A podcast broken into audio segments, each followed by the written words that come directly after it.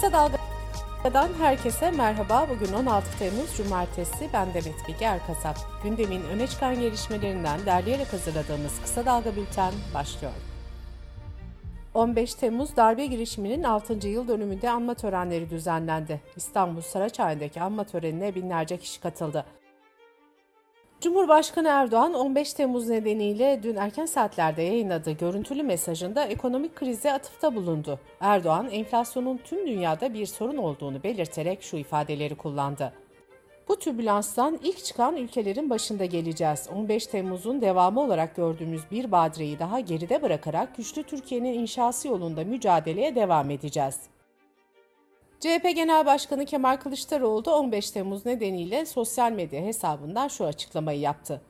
Ülkeyi bu noktaya getiren herkes hesap verdiğinde hak yerini bulmuş, adalet sağlanmış olacak. Ankara Emniyet Müdürlüğü'nde düzenlenen anma programında konuşan İçişleri Bakanı Süleyman Soylu da içimizden bütün pislikleri attık. 15 Temmuz'dan sonra daha özgür, daha yerli, daha milli olduk dedi. İstanbul Büyükşehir Belediyesi önünde düzenlenen anma töreninde konuşan Ekrem İmamoğlu da şunları söyledi. Devletimiz, milletimiz bu kötü niyetli kişi ve örgütlenmelere karşı kendini koruyacak mekanizmaları bir an önce devreye almak durumundadır. Ne yazık ki bu tehdit henüz ülkemizin üzerinden kalkmamıştır. İstanbul Beyoğlu'nda Yahudilere ait Hasköy mezarlığındaki mezar taşları tahrip edildi. Saldırıya tepki yükselirken ilk açıklama İçişleri Bakanı Süleyman Soylu'dan geldi. Saldırıyı kınayan Soylu, İstanbul Emniyeti'nin titiz çalışmasıyla faillerin ikisinin gözaltına alındığını duyurdu.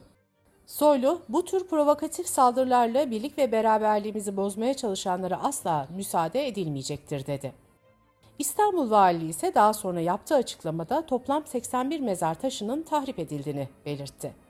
Valilik güvenlik kameralarının incelenmesi sonucu yaşları 11 ila 13 arasında değişen 5 çocuğun gözaltına alındığını duyurdu. Kara para aklama ve dolandırıcılık suçlamasıyla Avusturya tarafından Amerika'ya iade edilmesi kararı alınan SBK Holding'in sahibi Sezgin Baran Korkmaz için süreç başladı. Avukatı Murat Volkan Dülger, Korkmaz'ın ABD uçağına bindirildiğini, Utah'ta düşük güvenlikli bir hapishaneye konulacağını açıkladı. İzmir'in Çeşme ilçesinde iki ayrı noktada çıkan makilik ve orman yangınları havadan ve karadan müdahaleyle ikinci gününde söndürüldü. Rüzgarın hakim olduğu bölgede soğutma çalışmaları sürerken İzmir valisi Yavuz Selim Köşker'den yangın uyarısı geldi. Köşker şunları söyledi. Üç gün boyunca İzmir ve çevresinde meteorolojik açıdan orman yangını tehlikesi öngörülmektedir. Lütfen yangına mahal verecek her türlü eylemden kaçınalım, ciğerlerimiz yanmasın. Bu arada Datça'daki orman yangını havadan ve karadan yoğun müdahaleyle 24 saatte kontrol altına alındı. Tarım ve Orman Bakanı Vahit Kirişçi, yangının elektrik trafosundan kaynaklandığını belirtti. Bakan Kirişçi, yaklaşık 300 hektarlık bir orman alanı, 400 hektarlıkta tarımla ilişkili alanda zararımız oldu dedi. Sağlık Bakanlığı'nın haftalık COVID-19 verilerine göre vaka sayılarının geçen haftaya göre iki kat arttığı ortaya çıktı. 4-10 Temmuz'da 117.095 kişinin testi pozitif çıktı, 31 kişi yaşamını yitirdi. Önceki hafta vaka sayısı 57.113'tü. Türk Tabipleri Birliği 2. Başkanı Ali İhsan Ökten tabloyu şöyle yorumladı. Artış çok fazla. Acilen bir takım tedbirler almak lazım. En başta maske, mesafe, hijyen gibi kişisel koruyucu tedbirlere yeniden dönmek gerekiyor. Aşılama hızı mutlaka arttırılmalı. İngiltere'de 17.500 kişinin raporladığı verilere göre son dönemdeki COVID hastalarında belirtiler değişti. Eskisine göre yüksek ateşle birlikte koku ve tat kaybı çok daha nadir görülüyor. En yaygın semptom artık boğaz ağrısı. Ses kısıklığı, hapşırma, yorgunluk, kas ağrısı ve baş dönmesi sık bildirilen belirtiler arasında bulunuyor. Sırada ekonomi haberleri var. Türkiye'nin 5 yıllık kredi risk primi 900'ü aşarak 2008 sonrası en yüksek seviyeye ulaştı. Kredi risk primi ülkelerin ekonomik ve politik risk gelişmesine göre her gün değişiyor. Bu değer risk barometresi gibi piyasalar tarafından izleniyor. Profesör Doktor Özgür Demirtaş kredi risk priminin 900'ü aşması ile ilgili hükümetin hiçbir ekonomi kitabında olmayan yöntemleri Türkiye felakete götürdü değerlendirmesini yaptı. Gelecek Partisi Genel Başkanı Ahmet Davutoğlu da iflas uyarısı yaparak ülkeyi petrol, doğalgaz, ilaç alamayacak duruma getireceksiniz. Derhal şu cahil inadınızdan vazgeçin diye konuştu. Deva Partisi Genel Başkanı Ali Babacan da şu değerlendirmeyi yaptı. Bir aydır tedbir için haykırıyorum. Bu işin şakası yok. Hükümete bir kere daha sesleniyorum. Derhal tedbir alın. Türkiye'de yükselen enflasyon ve düşen alım gücü vatandaşı ihtiyaç kredilerine yönlendirirken bireysel kredi borçları alarm vermeye başladı. Türkiye Bankalar Birliği'nin verilerine göre bireysel kredilerde tasfiye olunacak alacaklar bir önceki yıla göre %55 artışla 30,5 milyar lira oldu. Bireysel kredi kartı borcundan dolayı yasal takibe düşen kişi sayısı da Ocak-Mayıs döneminde 403 bin kişi olarak kaydedildi. Kredi ve Yurtlar Kurumu borçlarına gelen yüksek faizler binlerce kişinin isyanına neden olmuştu.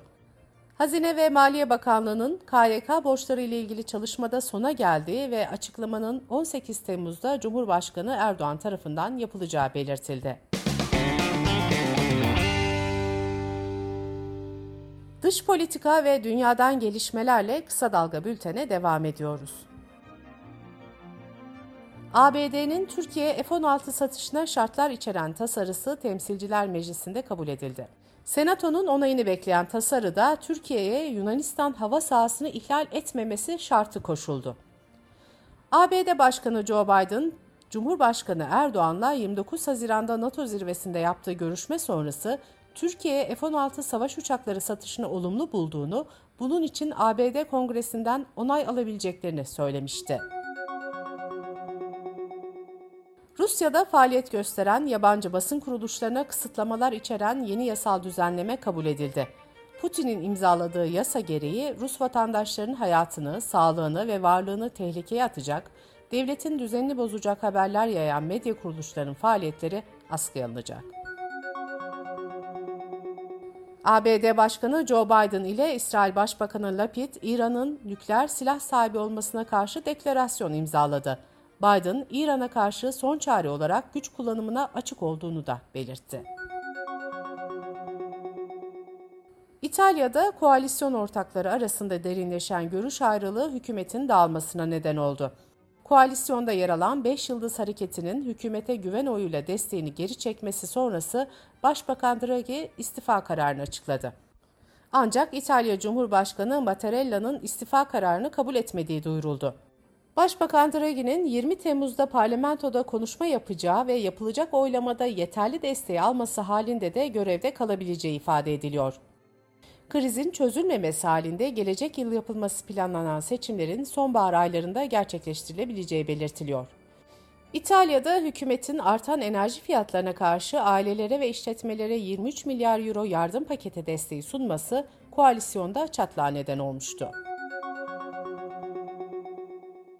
Haiti'nin başkentinde çete grupları arasında bir haftadır süren çatışmalarda en az 89 kişinin hayatını kaybettiği, yüzlerce kişinin yaralandığı, 127 evin yıkıldığı ve 16 kişinin de kayıp olduğu açıklandı. Kanada Sağlık Bakanlığı 6 aydan büyük olmak kaydıyla 5 yaş altı çocuklara Moderna'nın koronavirüs aşısının uygulanmasına onay verdi. ABD Ulusal Okyanus ve Atmosfer Dairesi Haziran 2022'nin son 142 yılın sıcak 6. ayı olduğunu açıkladı. Sadece arazi sıcaklığı ölçümlerine göre Avrupa ve Asya'da Haziran ayı sıcaklık ortalamasının 1.56 derece yüksek olduğu ifade edildi. Bültenimizi kısa dalgadan bir öneriyle bitiriyoruz. Oxford Üniversitesi'nden Emre Eren Korkmaz, Berlin'de kuantum fiziği üzerine çalışan Mustafa Gündoğan'la popüler bilim, kuantum fiziği ve ışığı depolamayı konuşuyor. Emre Eren Korkmaz'ın podcast'ini kısa dalga.net adresimizden ve podcast platformlarından dinleyebilirsiniz. Gözünüz kulağınız bizde olsun. Kısa Dalga Medya.